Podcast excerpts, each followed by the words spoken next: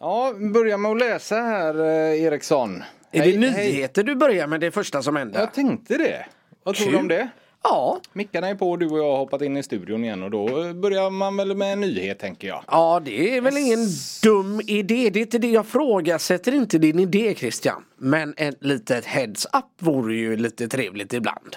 Det vet du att du inte får. Nej. Det behöver du inte be om. Det är alltid på uppstuds. Ja, men det är en eh, sorglig nyhet som jag vill börja med att ta upp här. En utav mina favoritskådisar, Mm. Michael Caine, har nu eh, sagt att han ska pensioneras. Och eh, det är kanske för sent. Alltså, så här, jag trodde nog att han skulle gjort det långt, långt tidigare. Ja, Eh, 77-årig karriär på Michael Caine. 176 roller och idag är han 90 år. eh, ja. Jag hör vad du säger. Du tänker lite att han borde lagt av för 20 år sedan. Nu när han ändå körde på kunde han löpt linan ut. Är det lite det du säger? Lite som eh, Christopher Lee. Ja. Det är ju helt orimligt att han blev castad till eh, Hobbit-filmen och sånt sen. Han var ju typ 97 eller någonting va? Ja. När han gjorde dem. Nej nu kanske jag tar i men han var ju väldigt väldigt gammal i alla fall. Han som spelar eh, Sauroman i Sagan om ringen och sen då när man gjorde Hobbit-filmerna, minns inte hur många år senare det var, så ville man ju ha Sauroman såklart, ja, Christopher Lee där igen. Och, men han var ju otroligt gammal, han dog ju inte långt efter Hobbit-filmerna släpptes. Nej, så var det nog. Så det måste ju varit en svår, alltså Ja, man satt väl med hjärtat i halsgropen nästan när man spelar in de här filmerna. Bara hoppas att han klarar sig. Något säger mig att Christopher Lee fick lite extra omtanke på inspelningssättet när man gjorde de här filmerna. Men han ser ju inte så gammal ut i filmerna sen. Nej. Och det är ju det som är- imponerar med Christopher Lee. Han Ja, körde ju hela rackare. vägen. Ja, men det måste jag säga. Vad är din... eh, Minns du eh, när du såg Christopher Lee för första gången? Nej. Nej, du har ju knappt sett Mio med Mio. Eller? Nej, det Men han är ju det. riddare Kato i eh, Mio med Mio också. Den med Aha. Christian Bale. Ja, ja. Så där har vi Christopher Lee och eh, eh, Christian Bale. Okej. Coolt. Men du Du, Christian. eh, Michael Caine då. Ja. Eh, 176 stycken eh, roller. Hur många filmer tror du du har sett med Michael Caine utav de 176? Ja, jag har nog sett eh, kanske 20-30-tal Mm. max. Och det är ju mer på senare år med Batman och mycket Christopher Nolan-filmer. Ja, så är det ju. Nästan alla. Och det är väl slut på det nu då. Mm.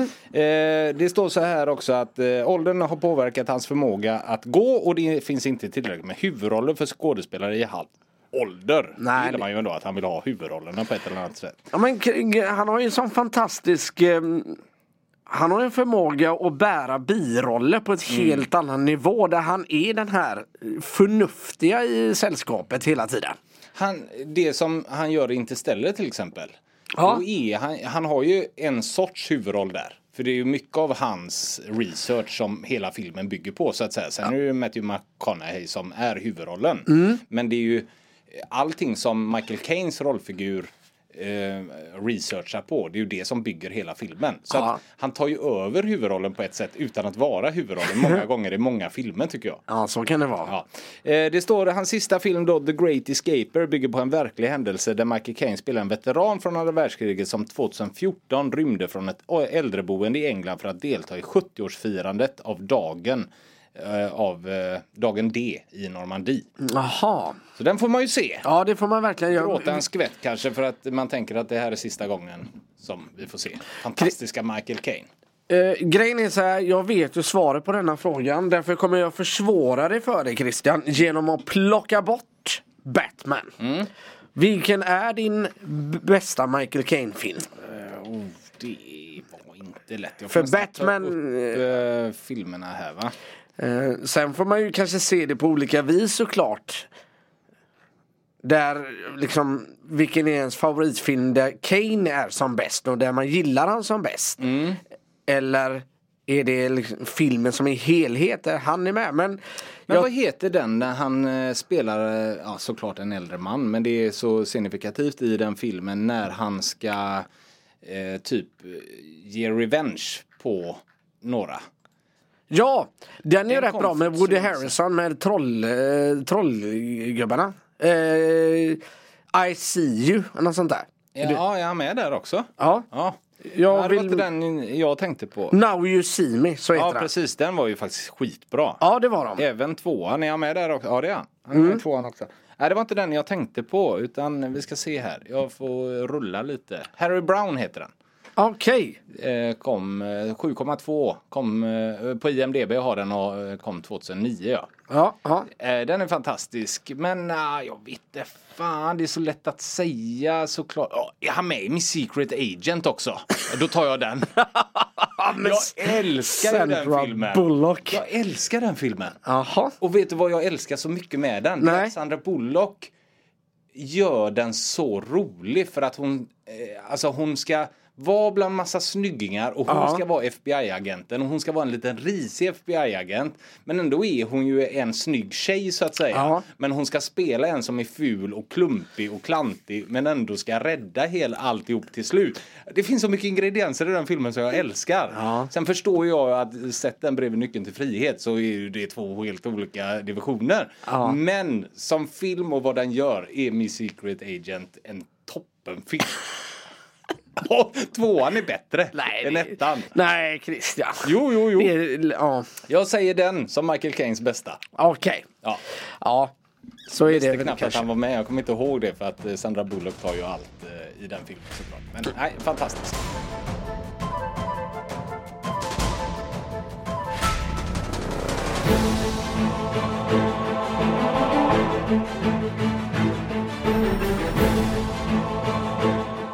Du, eh, det här avsnittet är speciellt för idag ska vi eh, ta, vi börjar med min sambo som har valt tre filmer som hon vill ha in på listan.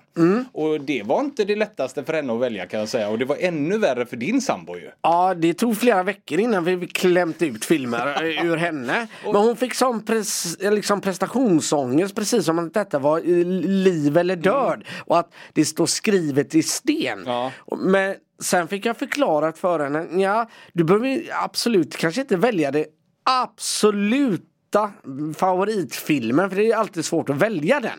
Men i alla fall tre filmer som du gärna hade kunnat tänka dig att slåss för för att den ska få vara med på en lista. Eh, och då blir det ju lite enklare såklart för då får man ju lite mer alternativ. Ja, Jag tror att min eh, sambo hade det svårare att välja tre filmer för det skulle liksom vara en del av hennes personlighet. Aha. Eh, Så att eh, hon hade det jätte, jättejobbigt. I början var ju tanken att de skulle välja två var och att vi skulle ta dem i samma avsnitt. Men det gick ju inte. Mm. Nej. Vi, vi orkade ju inte. Vi orkar ju inte vänta. Och hur många gånger, jag tror säkert det rabblades en 40 filmer som skulle in på listan. Och till slut fick jag säga, nu är det lugnt. Jag fick till och med säga, alltså nu har du en deadline. Och så fick jag säga till dig att Camilla har också en deadline. Ja. Den gick hon över med fyra dagar. Ja det gjorde hon. Så att eh, då fick vi ta Ansvis ja, lista. Ja men det, det, det var nog mycket det som du säger också. eh, För båda såklart att, att vi ska då döma dem Ja. lite. Eller jaha, är de sådana typer av människor som gillar de filmerna? Ja, jag vet. Ja, det, det blev svårt för dem, men vi har fått ut sex stycken filmer i Ja. alla fall. Och det är inte vilka filmer som helst, utan de vi ska gå igenom idag är Forrest Gump, det är En oväntad vänskap, den franska, och sen Holes Mowing Castle, en Studio Ghibli-film som heter på svenska Det levande slottet. Ja. De ska vi gå igenom. Men vi tänkte väl innan vi går in på det så ska vi göra en annan grej. Ja, eh, precis. Vi hittar ju en otroligt märklig lista när det gäller vilken film och typ man är. Kan man säga så? Ja. Eller rättare sagt att eh, om du är lite osäker på vilken film du är lite sugen på att se. Alltså en film du bör se. Så kan du få lite hjälp av ditt stjärntecken. Som mycket annat. Mm. Man vet ju om man eh, hittar kärleken där, man vet om man blir rik eller om man har någon otursdag eller vilka husdjur som vi gick igenom på radion häromdagen. Det finns mycket man kan få hjälp av en stjärntecken. Och så även film. Ja precis och jag hittade ett stycke text här som jag tyckte ändå var så bra så jag ska faktiskt läsa den tack. Christian här. Eh, sedan Mesopotamiens tid, landet mellan Efrat och Tigris, så har människan vänt sig upp mot stjärnorna för att hitta svar på livets existentiella frågor Ja. och djupa mysterium. Varför är jag som jag är? Kommer jag någonsin att hitta kärleken? Och vad är mitt syfte? Vad vill jag göra med min korta stund på jorden? Men zodiakens tolv tecken kan hjälpa dig i de mer enklare och mer vardagliga frågor som vardagen erbjuder.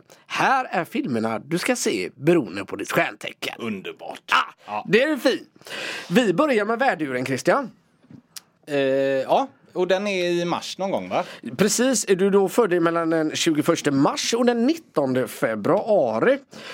Värduren Du är... bakåt där. 19 februari till 20 mars. vad, nej, vad sa jag? 20 21 mars till 19 april, April, menar du? Ja, ja. Mig. Mm. Ja. Värduren är ett stjärntecken som tycker om att ta initiativ. Och som i sin sprudlande entusiasm knappast iakttar större försiktighet i val av film. En relation med värduren Värduren präglas av kärleksäventyr och passion. Något som stjärntecknet även söker i film. För värduren rekommenderar man då filmer som The Aviator, Blood Diamond, Rain Man och Maffiabröder. Ah. Lite DiCaprio-filmer eh, till en början där. Det är kanske kärleken där då. Men vad sa du? Aviator, Maffiabröder. Rain Man, Rain och, Man. och Blood Diamond. Så det var två Caprio-filmer där. Ja, men... Om man, Spretigt. ja, ja, spretigt. Eller? Var det inte det? Då, då är det någonting i de filmerna med någon karaktär antar jag. Som man lutar sig mot. För filmerna i sig är inte så superlika. Alltså ta Blood Diamond och Rain Man är ju inte alls lika. Nej.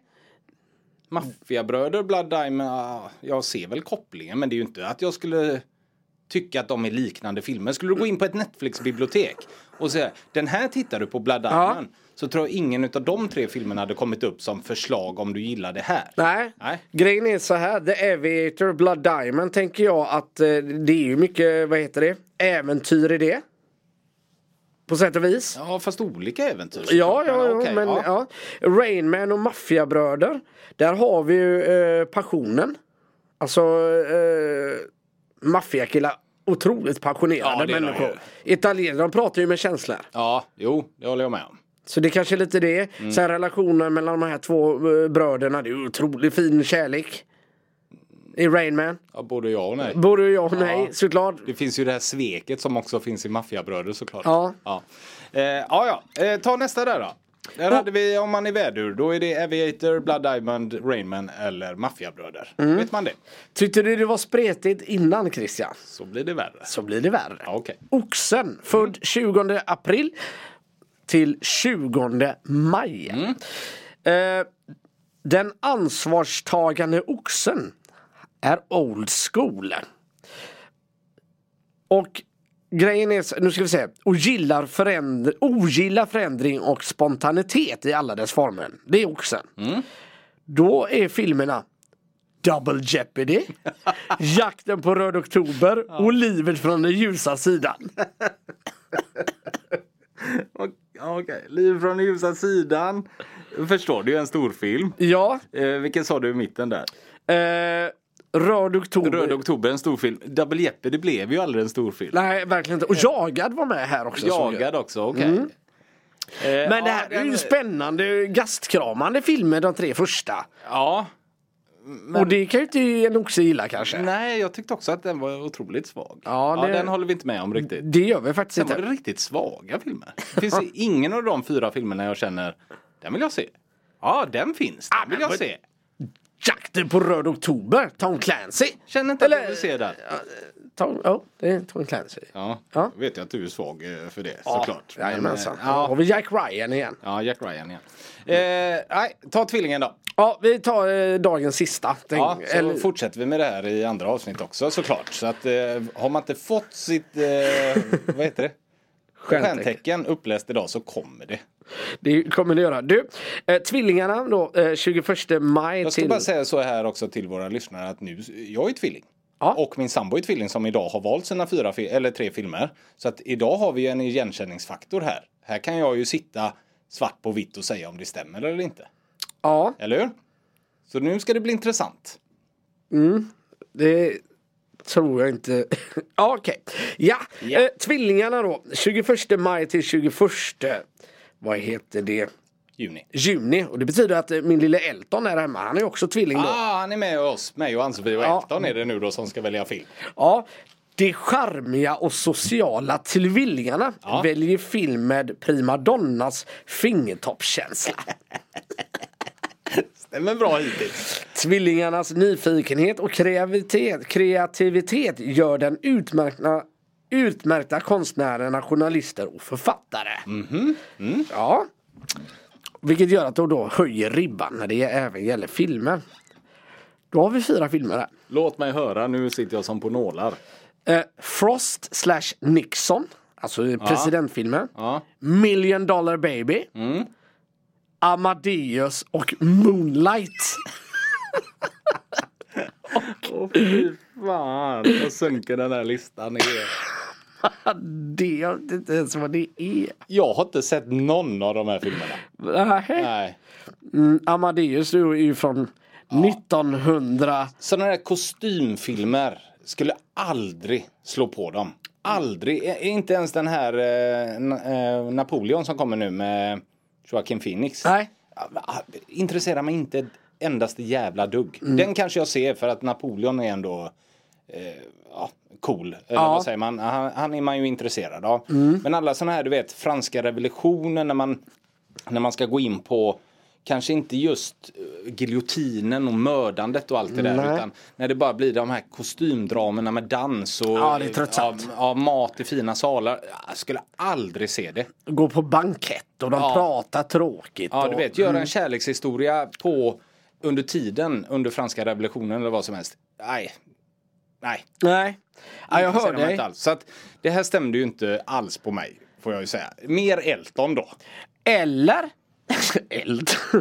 Han uppskattar ju de här Eller så är det så här kanske Christian. Du kanske vet för lite om dig själv. Ja, så kan det vara. Jag lär känna mig. Du lär känna dig själv genom att kolla på Amadeus som handlar om just Wolfgang Amadeus. Mm. Eh, Mozart alltså. Ja, ja, ja, jag fattar. Ja, jo, men man vet aldrig. Nej. Från 1984. Ja, nej, det intresserar mig inte ett skvatt. Jag ska höra med min sambo också sen då till nästa avsnitt där om det intresserar henne, de här fyra blockbusterna. Känns det som att vi hade lite för höga förväntningar på den här listan? Ja, men den är kul också. Ja, det är det. Det är mer roligt om den gör fel. Ja, än om det är träffsäkert. Vi fortsätter med listan i alla fall eh, i nästa veckas program tänkte vi va? Ja. Och så går vi in på min sambos då tre filmer. Så dagens avsnitt då ska in med tre stycken eh, filmer och det är då Forrest Gump, det är Oväntad vänskap, den franska originalet så att säga. För det finns ju även en amerikansk version där. Ja. som du har sett. Mm, jajamensan. eller såg före. precis. Och det ska bli intressant att höra vad du tycker om den. Men det tar vi om en liten stund för vi tänkte väl att vi börjar med Studio Ghiblis Det levande slottet. Ja. Och den, eh, du såg den för länge sedan va? Ja, det var sjukt många år sedan jag såg den och jag har försökt att eh, minnas tillbaka så gott jag går, eh, kan eh, på de här filmerna. Och vi pratar lite om kulisserna när det gäller just de här Studio Ghibli-filmerna och i synnerhet, synnerhet då Det levande slottet som det är så jädra bänkt allting. Alltså det är så konstiga grejer som händer och det, det är verkligen alltså fantasi och japansk animering eller ja, japansk värld kan man väl säga. När den är som värst eller bäst. Beroende på vad man vill, se, hur, hur man vill se det. Ja, för vissa saker med Studio Ghibli förstår jag inte mig på för att det är utav japansk kultur. Och eh, sånt där. Så det, vissa grejer flyger mig över huvudet. Men det jag gillar med Studio Ghiblis filmer det är, även om det är vrickat och det är konstigt så tycker jag om att titta på det och de gör det så att det känns naturligt hela tiden. Jag tycker aldrig när det vrickade kommer att det blir så här, nej men gud vad löjligt. Som ibland jag kan tycka med en Sylvester Stallone-film eller sådär. Ja. Att det blir så, ja du vet att de kan ta hundra slag i ansiktet och sen reser de sig och bara slår ner någon. Ungefär just det. sådär. Ja, En sån grej. Det, tycker jag, det har jag svårare att se på film. Eller när Tom Cruise står på en flygplansvinge. Det har jag svårare att ta än när jag ser Studio Ghiblis helt vrickade konstiga eh, saker. Ja, men absolut. För det är ju i sin kontext också. Så. Ja, det är så jävla vanligt i det liksom. Eller he, hela, allting bygger på att det ska vara konstigt. Ja. Allting bygger inte... Är du med hur jag tänker? Jo men jag tror också att allt det konstiga har en förklaring i sig.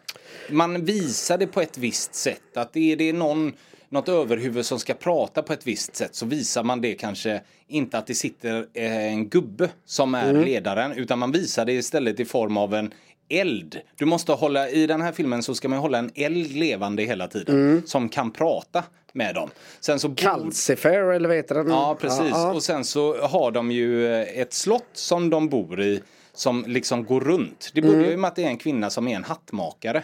Som blir förvandlad till en gammal tant. Ja, precis. Och hon eh, sluter upp i ett Howling Castle, ett levande slott eh, som är ute och går liksom. Mm. Och där bor ju ett par tetiga figurer i det här huset. Innan vi fördjupar oss då, ska jag läsa på DVD-omslaget? Ja, tack gärna. Ska jag göra det så har vi lite koll i runda slängar vad det handlar om. Mm. Och det är precis som du säger där då.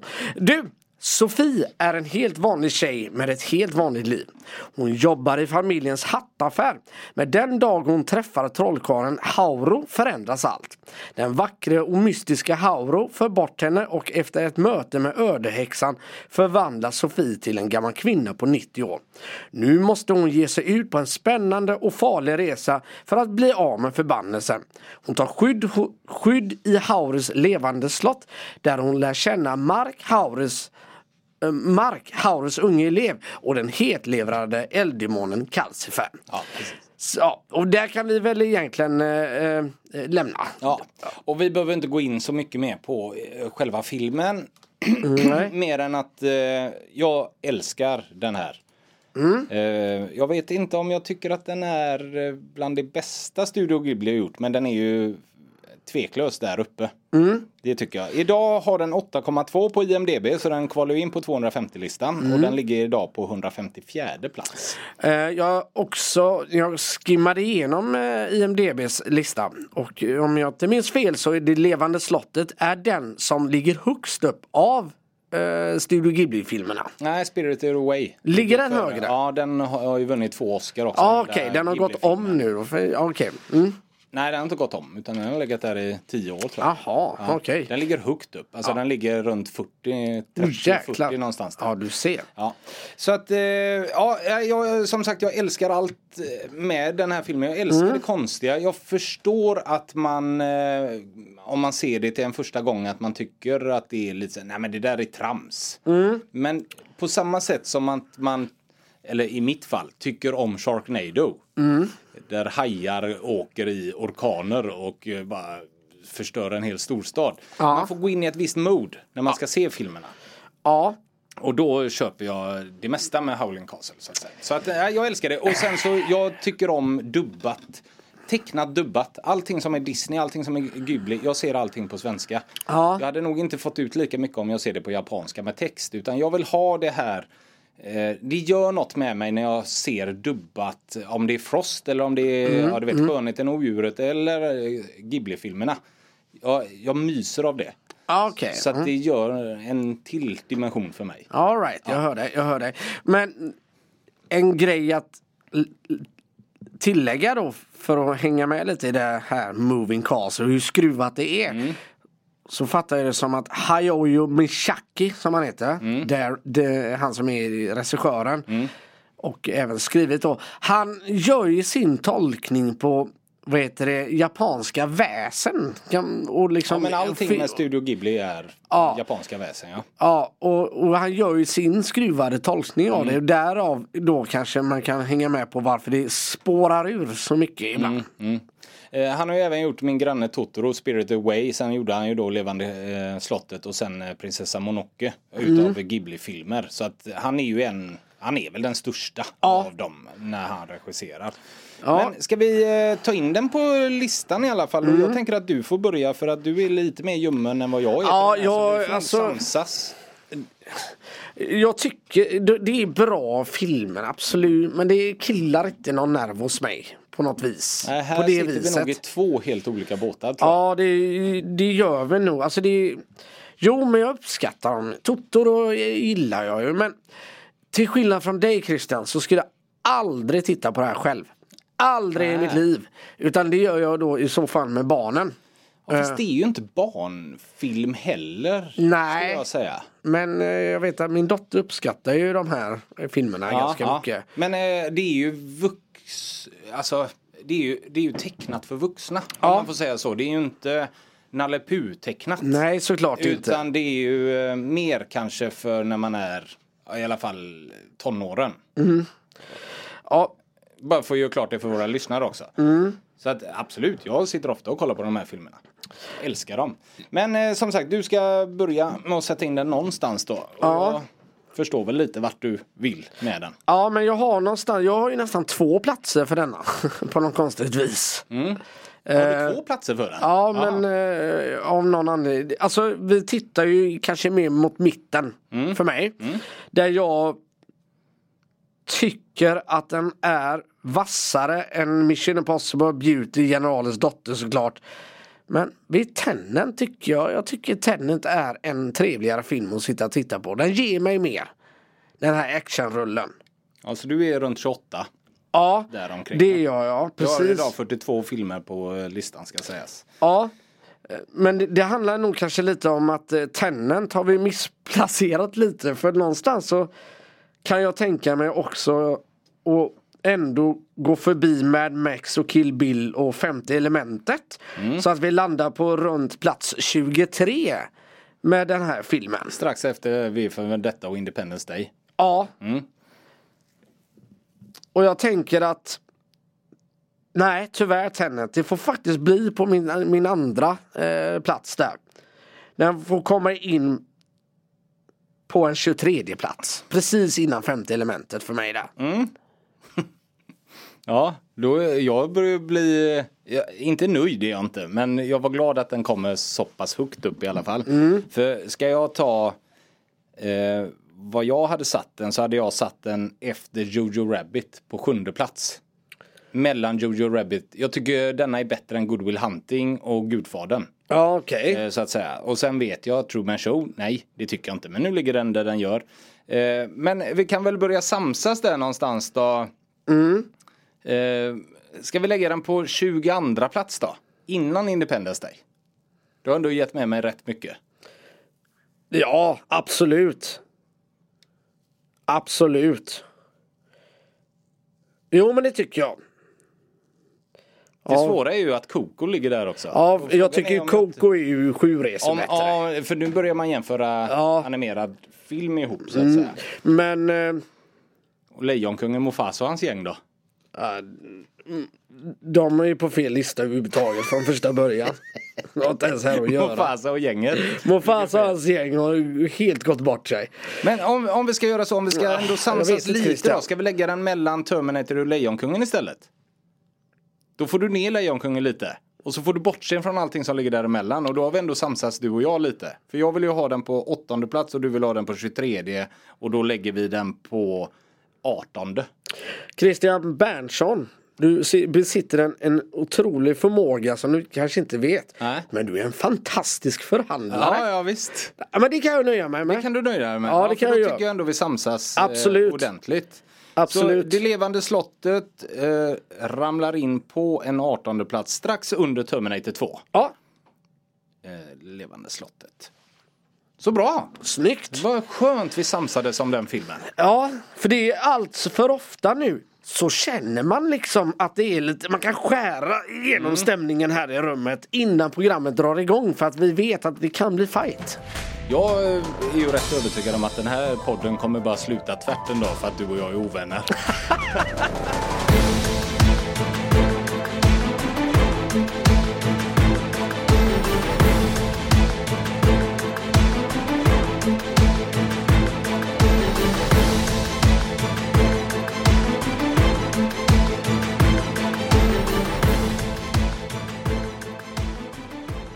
En oväntad vänskap är då tanken att vi ska in på Ja. vår fantastiska IMDB-lista som vi gör om.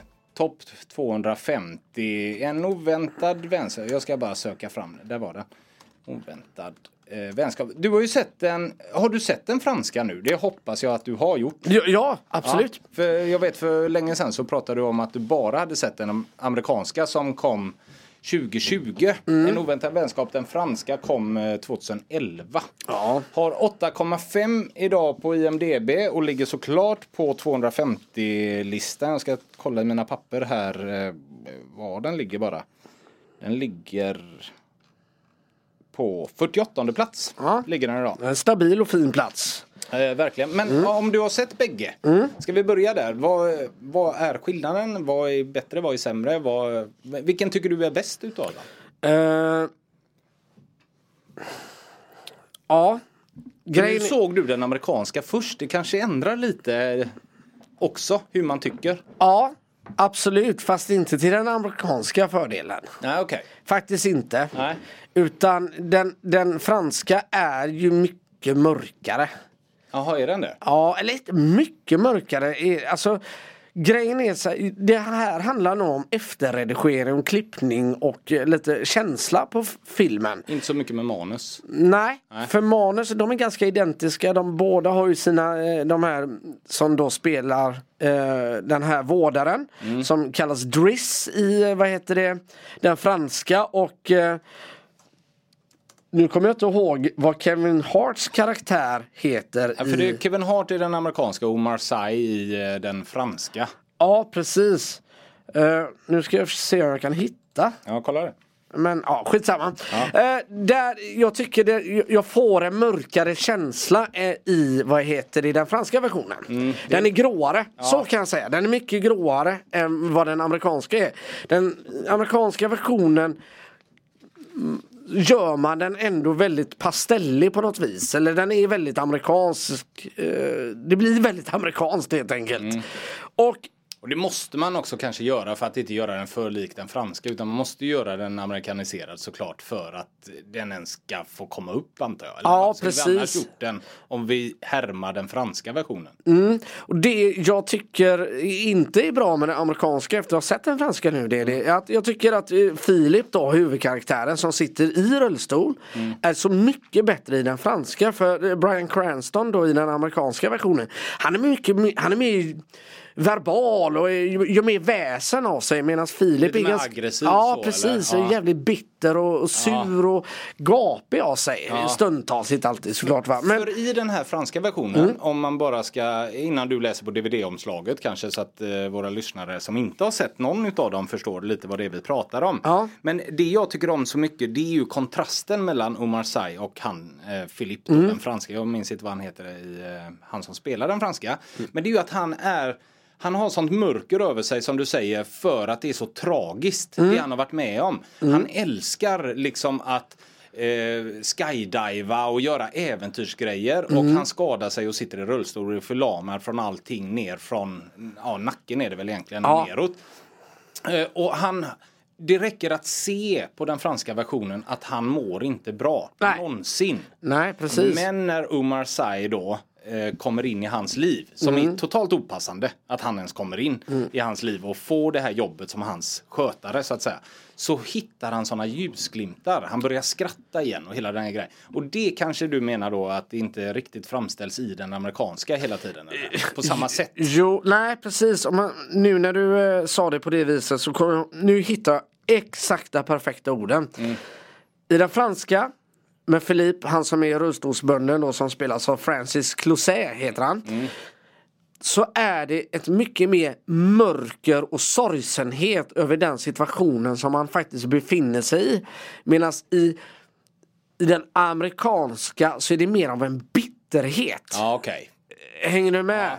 Han är mer sur i den andra Ja. och mer ledsen i eh, den franska. Ja, så upplever jag det i alla fall. Ja. Hade du DVD-fodralet där så kan du bara läsa lite fort vad, det vad den handlar om. jag har Eh, ja. gått igenom en del men jag tänkte ändå att vi kunde... Jag hade inte det men jag tar fram det. Ja, gör det. Eh, det, det ska nog gå ganska så fort. En oväntad...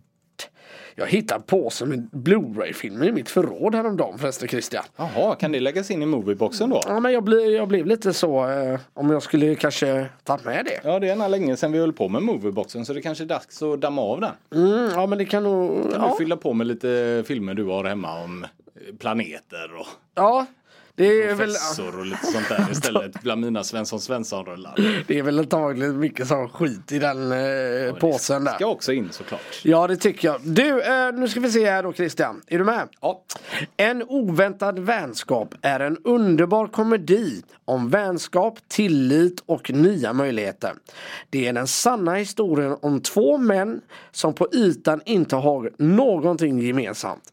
Mångmiljonären Filipp är förlamad från halsen ner och efter en, äh, är förlamad från halsen och ner efter en skärmflygningsolycka och måste leva resten av sitt liv i rullstol. Han bor i lyxiga omgivningar i Paris och ska då anställa en ny assistent. Det enda som sticker ut bland sökande är Driss som bara söker jobbet eftersom han måste visa att han är aktiv arbetssökande. Det här är en början på en oväntad vänskap baserad på ärlighet, humor emellan två individer. Och den börjar ju så härligt med att han bara går in för eh, Umar Say då, Driss, den, eh, han som söker jobbet. Han vill ju bara gå dit för att få en signatur. Ja. På ett papper så att han kan ge det till Arbetsförmedlingen. Typ. Gå före i kön, drämmer pappret i bordet, skriv på här Skriv nu! på här och så är det klart liksom. Ja. Och på ett eller annat sätt får han jobbet. Och han, han, han har ju, respekt kanske är fel ord att säga, men han är som han är. Mm. Han ändrar inte på sig. Utan han skojar. Eh, Bara som den här scenen när han häller tevatten och han inte känner någonting. Ja, det, det, det är det enda svaga momentet i hela filmen tycker jag. Faktiskt. Svaga? Ja. ja. Jag tycker det är så starkt. Det är så roligt. Och det är hela hans minspel, hur han hanterar hela situationen. Och där och då är första gången han verkligen får upp ögonen för hur sjukt detta är. Ja. Att han står och häller och hur förlamad han faktiskt är. Ja. Han har inte brytt sig om detta. Detta är bara, han ska bara vara där och han ska göra ett jobb. Han bryr sig inte så mycket om Filipp. Nej. För han, han häller teet på hans ben. Och det blir så starkt för att det är komiskt i, ja, när man ser det. Ja. Men det är också så starkt för att där går det upp för han hur jävla hemskt det är för den här Filipp. Även om han har pengar och han har allt det här och bor i hela det här huset så är det inget liv som man vill leva. Nej, och det, den, den delen är jag med på. Det jag inte kan förlika med mig och köpa, eller inte köpa, jag vet inte. Det är att det, är ett sjukt beteende. Vem fan häller kokande vatten på någons ben även om man är förlamad? Det eh, tycker jag är ett ganska sjukt inslag i sig. Ja, Hänger du med hur jag tänker? Ja. Hur skruvad man måste vara Ja. för att hälla kokande vatten på någons ben. Ja, och det är ju den kontrasten mellan dem som Mm. är så härlig. Att de ändå funkar ihop. Att de, de är sådana motpoler mot varann. Och ändå får de den här fina det fina livet. För i slutet av filmen då får man ju se de verkliga människorna. Mm. Eh, och när de står där vid en solnedgång och allting. Alltså, det är så otroligt fint hur de fick det att funka. Och att Omar Sy då, eh, Driss, att han verkligen förgyllde hans liv. Och att Philipp eh, multimiljonär sittandes i rullstol hjälper Omar Sy.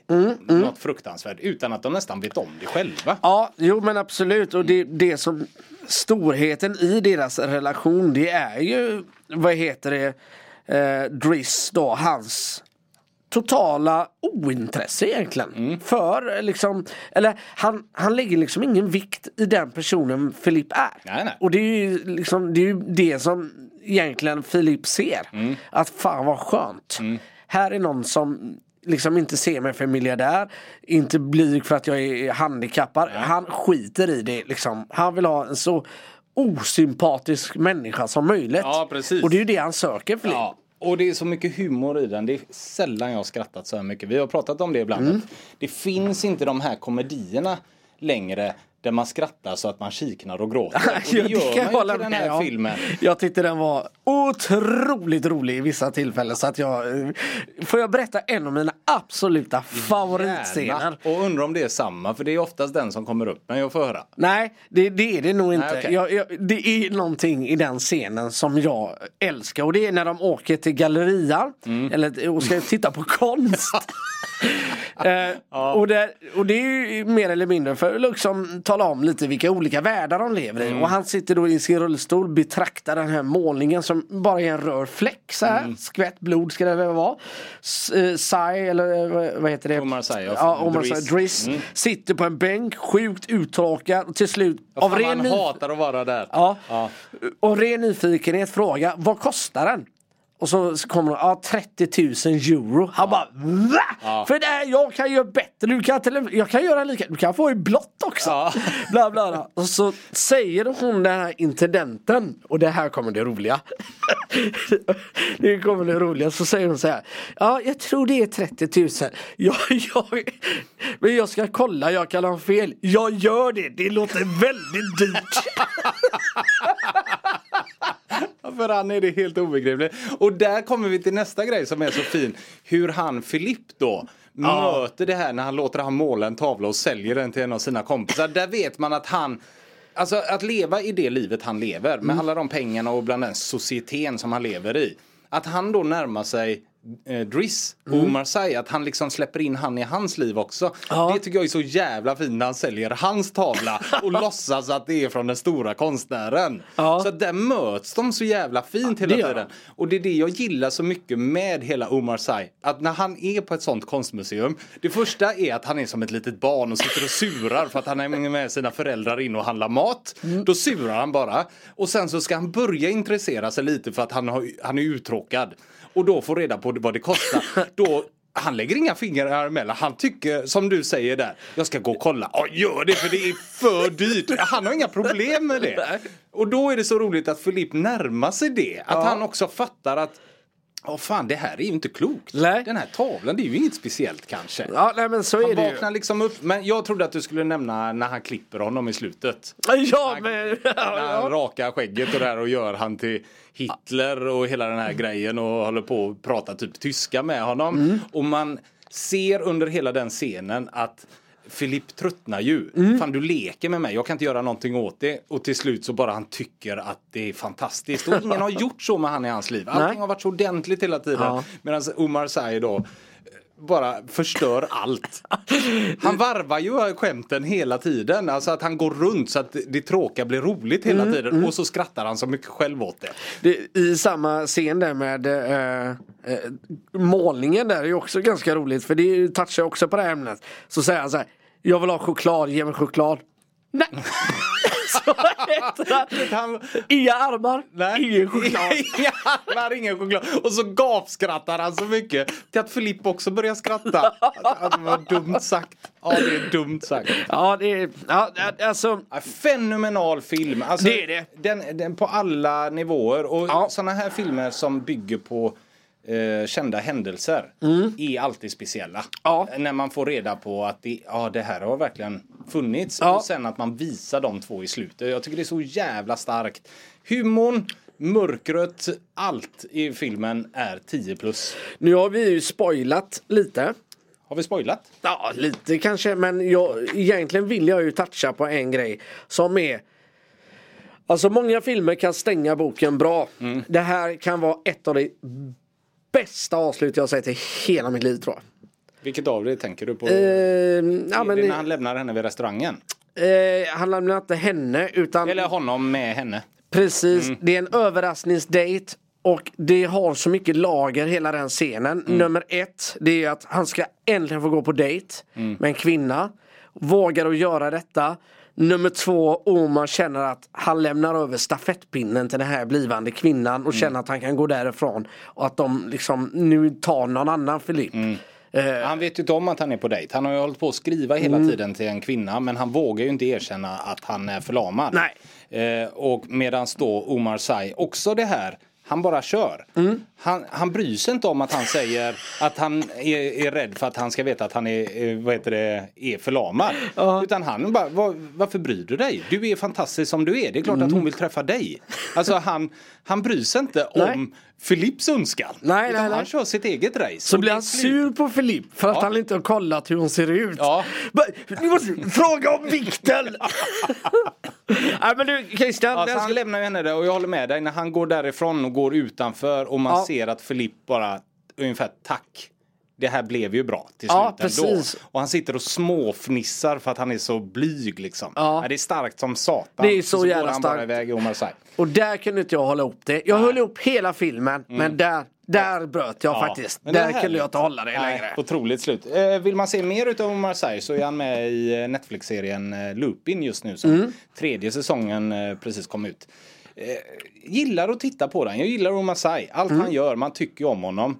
Men fan vad svag den är. Har du sett tredje nu eller? Nej jag har ju bara sett eh, två eller en och en halv säsong på Lupin än så länge. Ja okej, ja, det Ja. handlar ju om att Omar Sy då eh, försöker efterlikna Lupin som är en mästertjuv. Mm. Så ibland kan det ju vara riktigt smart hur han får tag i diamanter och annat sådär. Ja. Men ibland gör de den så jävla korkad för oss tittare. Det är så här, man får ju följa eh, Lupin då Mm, eh, när han är barn också. Ja. Och hans uppväxt och det är mycket det som händer sen i vuxna livet. Och eh, då har vi en scen där han, eh, eh, när han är barn, ställer en ketchupflaska upp och ner på. Mm. Och då säger hon tjejen som sen blir hans fru Mm. och eh, mamma till hans barn. Säger så här, varför ställer du den så? För jag orkar inte slå uppe på den liksom. Mm, Sen så klipper man till när de är äldre och han är maskerad och umgås med henne. Alltså han har mask Mm. och låtsas vara en annan. Varpå han ställer ketchupflaskan i kylskåpet. Och det ser inte hon förrän dagen efter. Och när hon ser den så fattar hon att men det är ju han. han är, det är ju han som har klätt ut sig och är här. Bara att då är det så dumt att de klipper återigen till den scenen. Som man såg för fem minuter sedan.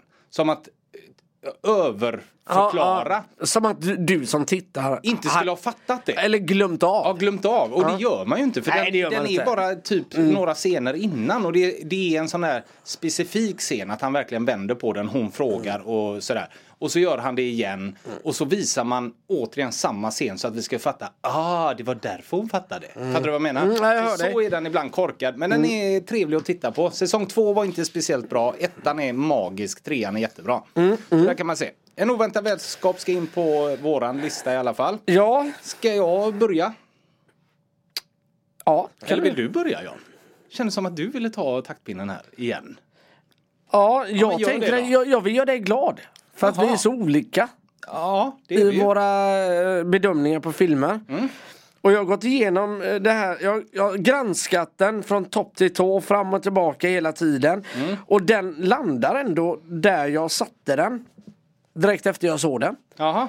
Det, vet vad den fightas med? Vänta, har du utvecklats och börjar eh, sätta in filmer innan vi Ja men du har ju skällt på mig hela går in tiden. och slår på mickarna? Ja. ja, det är så härligt. Jag älskar när du utvecklas. Jag vill utvecklas med dig John. Och det gör vi nu. Mm. Tänk om min mamma hade fått uppleva detta. Ja, tänk Utveckling. det. Susanne hade varit så glad. Ja, där har hon Jag varit. förväntar mig ett tackkort från Susanne. Att jag utvecklar dig. Ja. Ja. Vet du vilken film den slåss med? Före eller efter då? Alltså att eh, är den före eller är den efter? Det, är- det är där jag tampas. Vad nervös jag blev nu. Jag vågar inte ens chansa för att jag vill inte chansa och bli besviken. Nej, okej. Nej men jag har ju den på mitt ställe här så att, eh, säg du. Jag har svårt att placera den före eller efter Good Will Hunting. Ja, du är där uppe. Ja, det är jag faktiskt. Härligt. Den tog mig eh, riktigt bra den här filmen. Ja, vad härligt. Ja, det gjorde den. Vad glad jag blev nu. Så att du är runt sjunde eller nionde plats. Ja. Vill du ha in den på då alltså. Och vi kan ta det för de som inte ser listan framför sig. Vi har Mm. ju Interstellar på första, Människa Ryan på andra, Snatch på tredje, Pulp Fiction fyra, femma Nyckel till frihet, Oppenheimer ligger där idag på sjätteplatsen. Mm. Men det vet vi inte sen. Jojo Rabbit på sjunde och sen kommer då Good Will Hunting. Strax under den på nionde plats har vi Gudfadern. Ja. Ja, och där vill du ha in den, alltså innan eller efter Good Will Hunting? ja, och jag tampas med detta. För jag 7-9. är jädrigt svår för Will Hunting alltså. Det, den, den är liten... Men jag kan göra det lätt för våran lista då. Mm. För att jag vill ha in den direkt efter Snatch. Jag vill ha in den på våran fjärde plats. Jaha. Så att då blir det väl en sjunde plats, eller en åttonde plats då. ja, Så innan Good Will Hunting Ja, bara för att okej. vi ska kunna komma överens om någonting. Sen får vi ju se med Oppenheimer. Men jag tycker den är bättre än eh, Pulp Fiction och Nyckeln till frihet.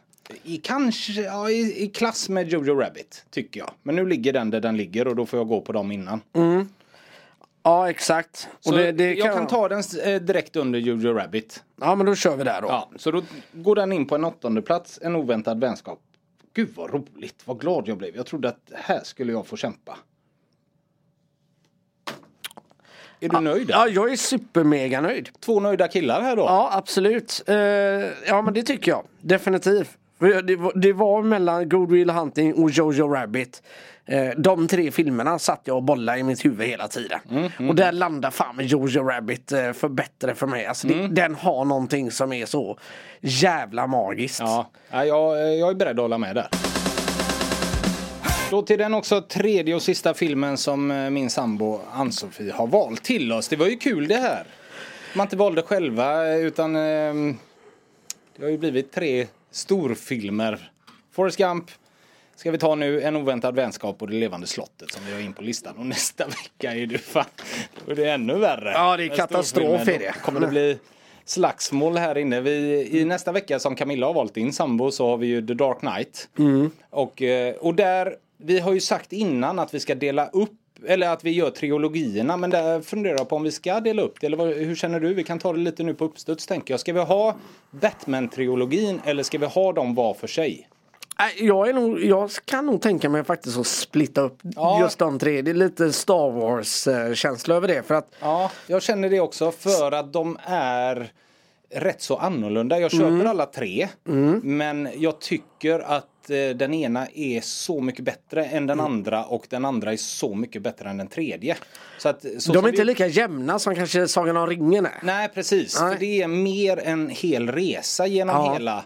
Den här tycker jag ändå det är, de står på egna ben. Mm. Eh, på ett sätt. Men det är ändå samma historia. Ja. Ja, svårare att förklara. Vi tar det mer i nästa vecka. Ja. Eh, vi har The Dark Knight, vi har Seven och vi har The Departed i nästa Mm. vecka. Så vet ni det ifall ni vill titta på filmerna innan ni lyssnar på avsnittet. Ja, ja men det är väl ingen dum. Och nu då Christian eh, så har ju Ann-Sofie tagit en av 90-talets eh, kanske eh, största filmer. Mm. Får man väl ändå säga. Det här eh, betyder en del för mig för detta var den första som jag vill minnas som var en storfilm som jag gick på bio och såg eh, som slog undan benen av mig och denna såg vi faktiskt i skolan.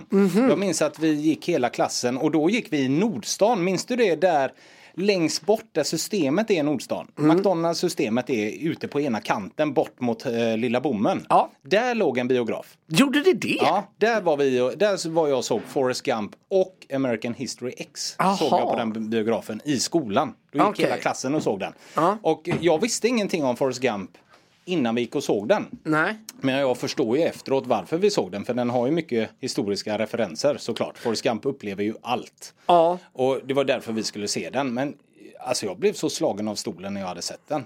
Att det var så här, vad fan har jag fått uppleva? Där och då visste jag liksom vilken jävla storfilm jag hade precis sett. Och det var kul. Ja, det var kul. Mm.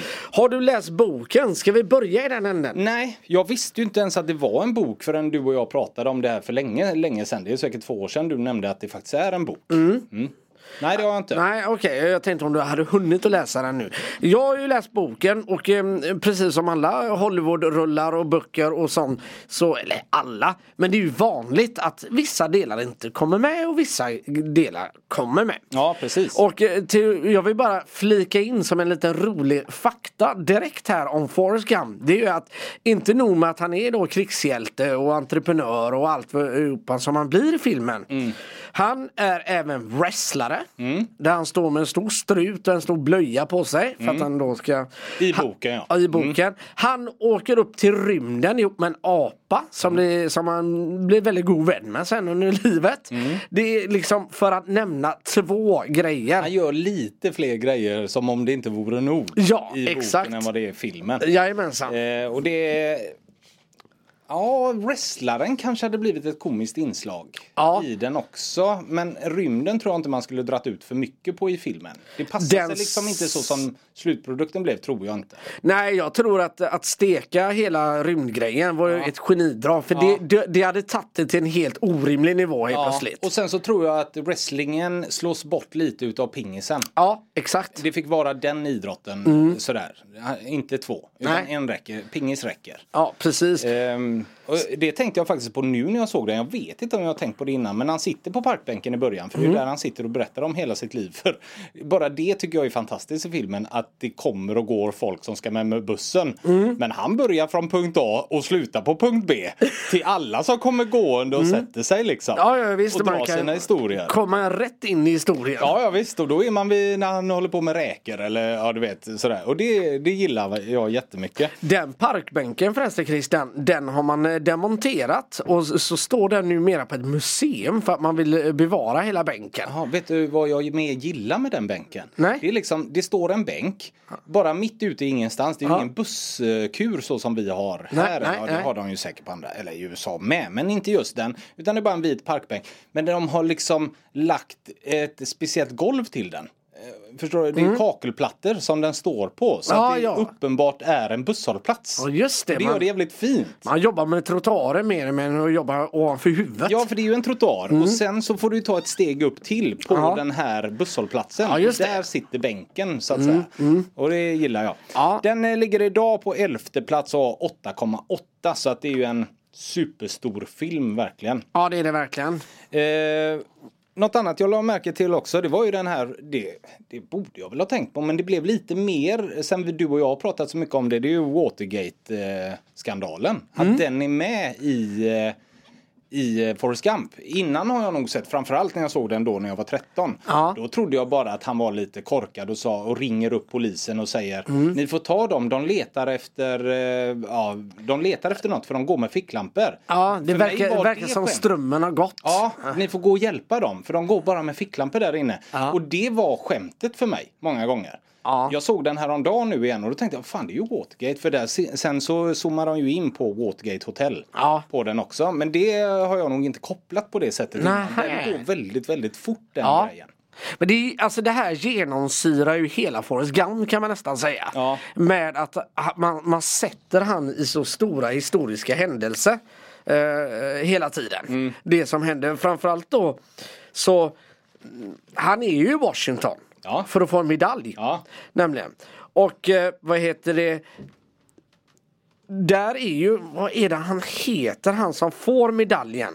Det är ju, någon, eh, det är ju riktigt klipp ifrån en krigshjälte ifrån Vietnam Ja, som okej. får en medalj. Eh, Men så har man då med hjälp av effekter bytt ut hans ansikte bara mot eh, Tom Hanks. Ja, okej. Ja, så, och vad fan är det han heter? Ja, jag glömmer av det. Men det är Ja, i alla fall en ganska känd eh, kille i alla fall. Det är så kul också att han är ju med på alla tv-sändningar och sånt. Då står Forrest Gump där liksom lite frånvarande. Ja, ja, ja. Sammy L. Davis heter han. Han som får den här Medal of Honor eh, i verkligheten okej. från det verkliga klippet. Men så i filmen då har man ju klippt in vad heter det, Tom Hanks ansikte. Ja, ja, ja. Eh, sen måste jag säga i den här filmen, Tom Hanks stjäl ju allt såklart och ska Mm. göra det. Men Robin Wright är fantastisk genom hela filmen. Gary Sinise är också helt makalös. Ja. Och eh, Sally Field som spelar Forrest Gumps mamma. Ja. Är också helt makalös genom he- hela filmen. Hon är ju bara tio år äldre än Tom Hanks i verkligheten. Ja, det är så de har ju lite- fått sminka henne så gammal hela tiden. Men det är ju ändå, ja, det är fint på något sätt. För de har gjort någon film från 80 där de är kärlekspar. Jaha. Och nu spelar hon mamman där. Det är Lite sjukt. Ja. Eh, nej, de ska nämnas också till den här filmen tycker jag. För de är verkligen jätte, jättebra. Ja, och han som spelar Bubba, jag vet, inte vad han heter, men han är också jäkligt bra. Jag gillar Ja. hur de klipper det när han säger allting som man kan göra utav räkor. Ja, när de är på militärförläggningen där Precis, när de, klipper de. gör lumpen. Ja, och då är de ute och gör någonting och sen så klipper de till att de ligger och städar golvet och Tom Hanks då, Forrest Gump, han han lyssnar bara, Mm. men han jobbar som satan. men, och han Bubba bara fortsätter med vad man kan göra med räkor. Räkcocktail, räkbarbecue, räkmacka, räk... Ja, du vet. Det är fantastiskt. Och så stannar de upp där med tandborsten när de är på golvet, tittar på varandra. Ja, det var nog allt. Och Ja, så det fortsätter- nog, så fortsätter de ja.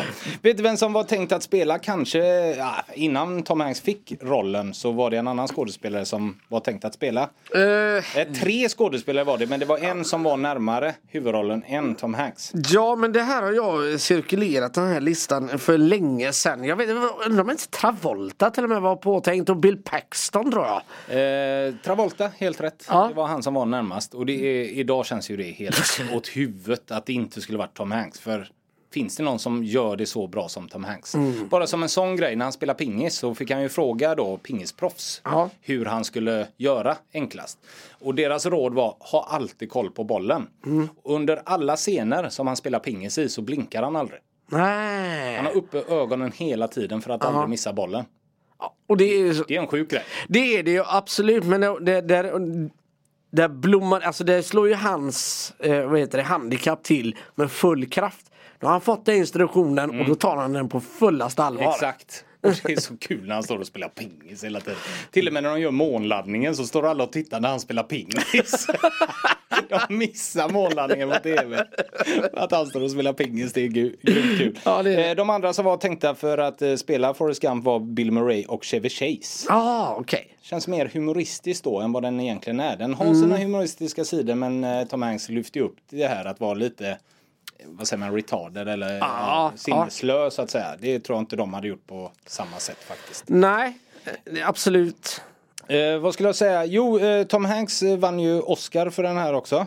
Och är den andra i hela världshistorien att vinna den två år i rad. Jaha. Han vann året innan eh, Forrest Gump, eh, då vann han den också för Philadelphia. Och den som eh, var först var Spencer Tracy. Han vann 37 och 38. Ja, du ser. Du ser. Så att eh, jag tror ingen annan har gjort det efteråt heller va? Vunnit. Nej. Bara Spencer Tracy och Tom Hanks som har vunnit bästa skådespelare va? Två år i rad. Ja, så jag. kan det nog vara ja. Eh, det andra jag har tagit fram här var att det var ju en novell från början och när man släppte filmen och såg vilken eh, succé det blev så skrev man en uppföljare till den som hette Gr- eh, Groom. Nej, Groom hette han som skrev den. Jag ska se vad fan den hette. Den hette något jättekonstigt. Gump and Company hette den. Den andra. Och den skulle också ha blivit film. Men så kom 9-11 och då fick man ta bort allting från den. Det, ja, det var någonting i den vevan som gjorde att nej, vi skiter i alltihop. Ja, ja. Eh, den eh, har spelat in 600 miljoner dollar. Mm. Och eh, vann då bästa film och sen bästa skådis som Oscars. Jag tror att han, jag läste såna här fakta också om Winston Groom. Heter han ju, som skrev boken. Ja, precis. Jag tror att han, han fick nog inte ett öre av filmbolaget för det här. Ja, men detta var väl också en sån här film som låg i slasken som Ja. det kallas. Alltså, det skickas Just det, eh, det manus. vet jag att du nämnde en gång. Ja, det skickas ju manus eh, som då filmbolagen får Mm. ta del utav. Och vissa är Okej, den kan funka men vi lägger den här så länge Ja. och så ligger den och dammar någonstans. Och sen när man ska göra en film eh, så kan man gå och titta i slasken om det inte kommer in nya grejer. Och så. Mm. Där låg den nog väldigt länge. Och då vet jag inte om de här publicistsakerna försvinner eller hur det nu än kan vara. Ja, så kan det vara ja. ja. Jag kan inte den där, hur det går. Men jag såg den här om dagen. Och eh, som sagt, jag såg ju den då första gången när jag var 13 där på bio. Det var en wow-upplevelse utan dess like. Och jag har alltid hållit denna som en av mina topp 10 filmer någonsin. Men nu när jag såg den igen, och det vet jag inte för att man har sett den innan och kan hela filmen och man liksom sitter ibland och väntar, och snart kommer det, snart kommer det. Så kom, jag tyckte den var lite seg. Den är lite långsam i tempot hela tiden. De här springscenerna. Där märkte jag eh, dels, det är de skorna han får där. Eh, och som han springer i. Sådana skor har jag. ja, är det sant? Ja. Oh, Ja, sa till min sambo. Du är ju sådana jag har. Ja, jag sa ju det när du köpte dem. Jaha, var hon före där med. Ja, ja, ja. Ja. Nej, eh, nej, jag tycker den är lite, lite seg. Stundtals. Ja. Men det kan också ha med att göra, som sagt, att jag har sett den innan. Den, den, den blir ju inte lika wowig när du ser den för tredje, fjärde gången kanske. Nej, såklart det inte blir. Och med dagens tempo i filmen som man har lite mer eh, kanske närmare eller eh, i bakhuvudet. Vad säger man? Ja. Färskare, Ja, i, minnet. färskare i minnet, ja. Så blir det ju en seg film. Ja. Det blir det ju. Men den är ju fortfarande helt sanslöst bra på Ja. alla möjliga vis. Och just att det som är fascinerande tycker jag med Forrest Gump Bland annat, det är ju givetvis eh, hela hur man berättar historien och alla dess äventyr och hur han tar sig igenom alltihopa. Men den är så bra i sig. Men 1994, Christian, bara för en liten sidogrej. Vilka fil- fler filmer som kom det året? ja, men det var Lejonkungen va? Pulp Fiction, Jurassic Park, Jurassic Park ja. Pul- Pulp Fiction, The Shawshank Redemption. Lejonkungen. Alltså, Vilket år vi hade. Ja, men sicket jädra år. Och att den då lyckas att ta sån plats Ja. ändå Vinna ibland, ja, ibland dessa filmer. Det säger så jävla mycket om filmen också. Ja, absolut. Ja. Men okej, ska vi börja oss in på listan eller vad tror vi? Ja, det tycker jag. Mm. Eh, jag kan börja med en gång. Att Yes. Jag tycker nog att en oväntad vänskap är bättre än Forrest Gump. Ja, jag är med dig. Ja, du är det? Ja, fan. vad alltså, jag, att här gillar inte att hålla med dig så mycket som jag gör. Egentligen borde jag sätta mig emot bara för att vara lite bångstyrig. Jaha, men okej. jag tror tyvärr här att vi är nog ganska lika. Ja, men eh, däromkring ska den. Jag tycker att den är bättre än Good Will Hunting. Så att jag hade velat sätta den direkt efter. Alltså då, då blir ju Good Will Hunting på tionde plats istället. Eftersom Ja. den flyttas ner två stycken idag. Eh, jag tycker... Ja. Den, den Jo, är den bättre. är ju så pass bättre. Den är bättre än Gudfadern, den är Ja. bättre än Once upon a time in Hollywood. Jag tycker inte såklart att den är bättre än Truman Show, men Darkest Hour och Gone Girl och dem. Då gillar jag ju Forrest Gump mer. Mm. Ja. Men eh, eftersom vi har gått igenom en oväntad vänskap idag så är det lätt att ställa dem mot varann. Mm. Och då tycker jag en oväntad vänskap är bättre. Ja, nej, jag håller med. Ja, det, det, det var faktiskt där jag var också. Vad kul! Ja, sjukt nog så är det så. Vad mycket enklare det blev sen du började placera in filmerna innan vi gick in här. Mm. Och hur mycket enklare det blir när jag ska hålla med dig hela tiden. Ja, det blir så mycket roligare för alla. För mig, för dig och för våra lyssnare. Ja! Nej, men hade, du, hade du velat eh, vända och vrida lite på det så gör det. Nej, nej, faktiskt inte. Eh, nej, jag tycker fortfarande att Jojo Rabbit är en eh, mycket härligare upplevelse och roligare på alla vis. Oppenheimer vet jag att du kommer nog kanske inte gilla lika mycket som jag gör. Men den gör någonting med mig, den här Oppenheimer.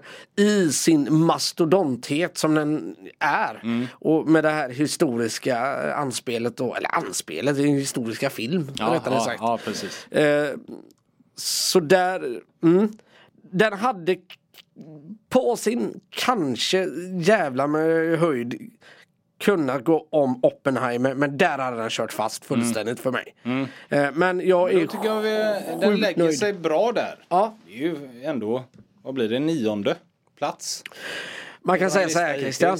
Vi har ju faktiskt eh, rört om topp 10 med två filmer idag. Ja, precis. Och det säger en hel del. Och jag tror att det blir värre nästa vecka. Nästa värre, eh, vecka. Camillas lilla lista nästa vecka kommer röra om allt.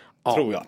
Men eh, otroligt kul med så bra filmer. Ja. Tycker jag. För ehm, ja, jag var lite rädd ett tag att det skulle bli någon som vi inte hade sett och kanske inte uppskattade. Mm. Ehm, men eh, ja, alltså, vi har fan bra smak. Om man ska göra en tre, ja verkligen. Och så tänker jag lite så här. På något sätt så hittar jag en liten röd tråd här inför framtiden. Nu, nu är det ju gjort två gånger om så det blir ju såklart pannkaka. Men Tom Hanks i filmen En oväntad vänskap hade nog inte varit dum. Gud, det hade varit bra. Det tror jag faktiskt på något vis. Faktiskt. Som den äldre mannen. Som, en, eh, som den äldre mannen ja. Absolut.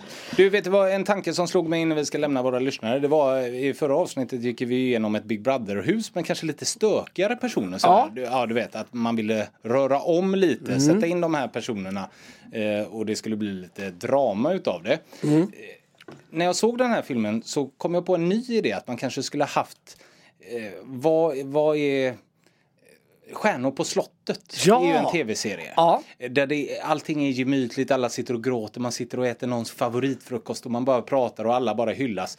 Där hade man ju velat ha in eh, Gary Sinise. Mm. Han behöver kanske komma tillbaka lite. Ja. Och Sally Field ifrån eh, och Robin Wright.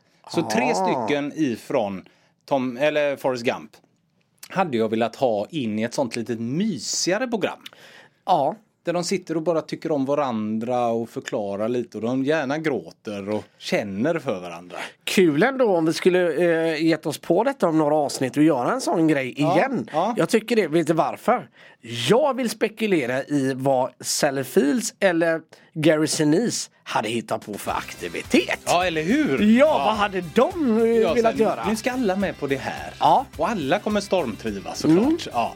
Och de tre hade varit så jävla roligt att ha med i ett program. Ja. Så eh, ja, det, det är en idé vi kanske ska ta. Stjärnor ja. på slottet med Hollywoodkändisar snart, där allting är ju mytligt. Tycker jag. Det blir en bra avslutning. Ja. Tack för idag. Vi hörs igen nästa tisdag. Hej då! Hej, hej! Vart tog du vägen? Håren går. Jag trodde aldrig